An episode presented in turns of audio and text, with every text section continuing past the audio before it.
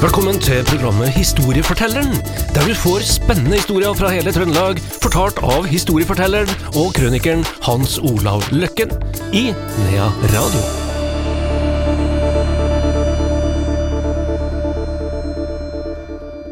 Velkommen til et nytt program i serien Historiefortelleren, og velkommen spesielt til deg, Hans Olav Løkken. Jo, takk du. Vi snakka sist om eh, ja, vi kalte det Lex Nygaardsvold, og vi snakka også om eh, biskop Berggrav, som hadde litt sånn eh, ja, du kalte det vel dobbeltmoral? Ja, jeg følte vel at den har det i visse sammenhenger. Ja, og det har kanskje kirka, blir det også det sagt? har vel kirka, Ja.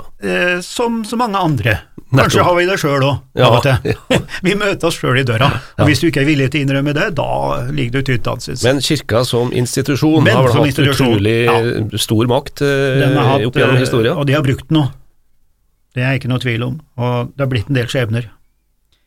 Og i dag skal vi eh, til eh, også vårt nærmiljø. Vi skal til eh, en eh, plass oppe i Hægra. Det er en gud som eh, står og ser ned i gulvet. Det hadde han fått beskjed av far sin. Likevel så drister han seg til å se litt til venstre, klokka elleve, som vi sier. Og Der møter han blikket at uh, Horandi fra Skjelstadmarka. Han ser at det er et smil rundt kjeften på Horandi. Og han kommer i uh, hu at uh, faren uh, hadde sagt at eh, mora til Horandi har vært hos presten med beining eller sending, altså litt mat og sånn. Og han eh, vrir hodet til høyre og møter blikket til faren som sitter på benkene overfor seg. Og faren nikker, som betydde at eh, det her, det går bra det, gutten min. Så plutselig blir det veldig stille, og presten kommer ut fra, en år fra sakristiet, går ned de to trinnene og skal begynne høringen. Presten var smart, han. Han hadde da ikke bare var det slik at det var ungene og storfolket som sto fremst, men han hadde jo plukka ut de flinkeste til å stå aller fremst, og det var vel da som nå, akademisk sett, så var det vel jenter, da, som sto fremst. Og Dette hadde han jo selvfølgelig planlagt, og salmeversene rant ut av de her jentene som erter ut av en sekk. Og en skulle vel kunne tro at han som sto lengst baki der, da, han ble vel nervøs, men han var ikke det. Han eh, sa til seg sjøl at nei, nå kan jeg det her, her skal jeg klare. Plutselig så står presten foran en. Og den herre ungdommen, han ser ned på presten, han var ett og et halvt hode høyere enn presten og ser ned på ham. Og presten setter i gang med en kolossal forhør av gutten, og gutten han gjorde sitt beste, og han følte vel kanskje at ja, det går ikke så verst, men presten ga seg ikke. Han pressa på og pressa på helt til det kremta fra en storbonde som satt på første benk. Kremte betydde nok er nok, prest. Så presten går slukøret tilbake og opp mot sakristiet.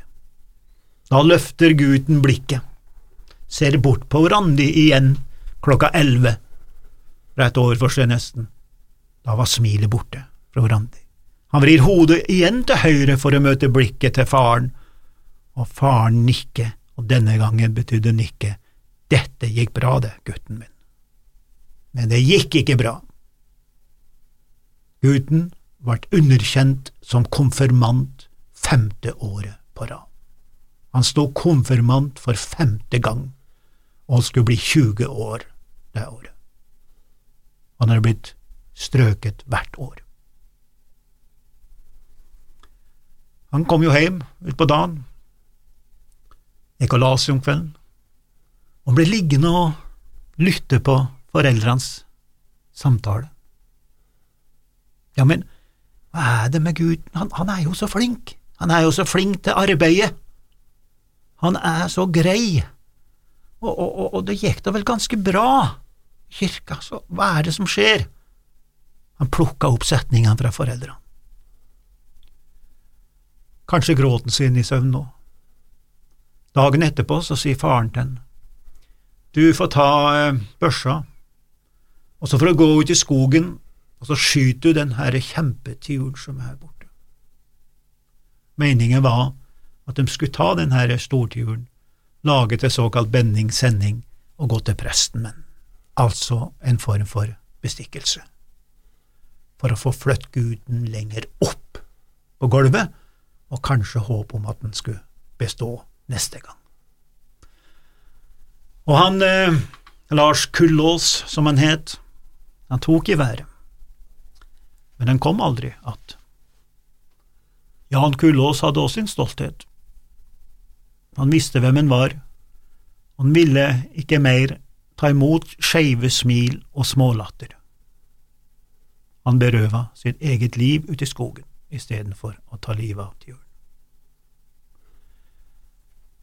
Faren ba jo stiftsmannen og Eller faren spurte om de kunne få lov til å gravlegge gutten da på Hegra kirkegård.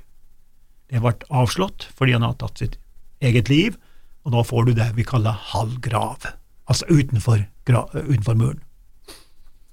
Men han fikk der òg at han kunne søke stiftsmannen om tillatelse til å gravlegge sønnen sin helt ute, utenfor kirkesystemet, for å spare en riksdaler da, til eh, nattmannen, står det i bøken da. Og det gjorde han.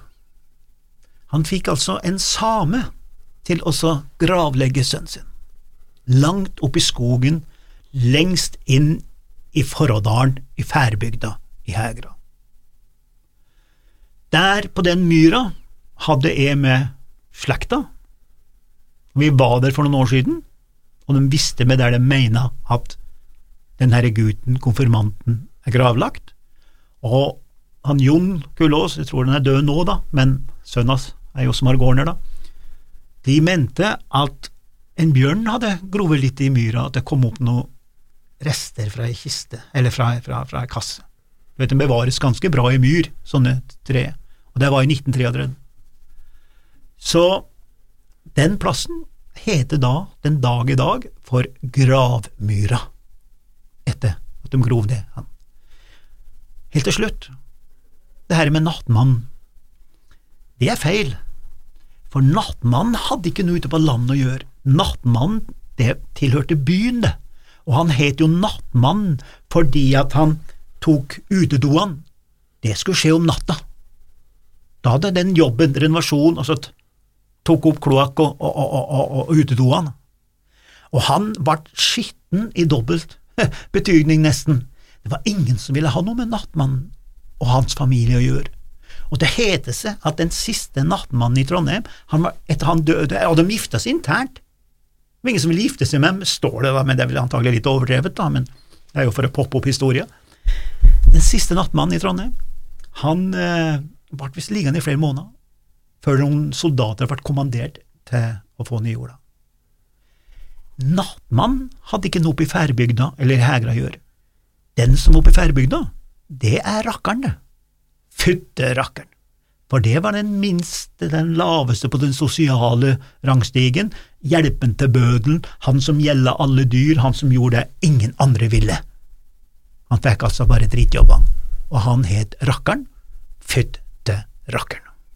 Ja, det sier vi også, Hans Olav Løkken, vår historieforteller her i Nea Radio.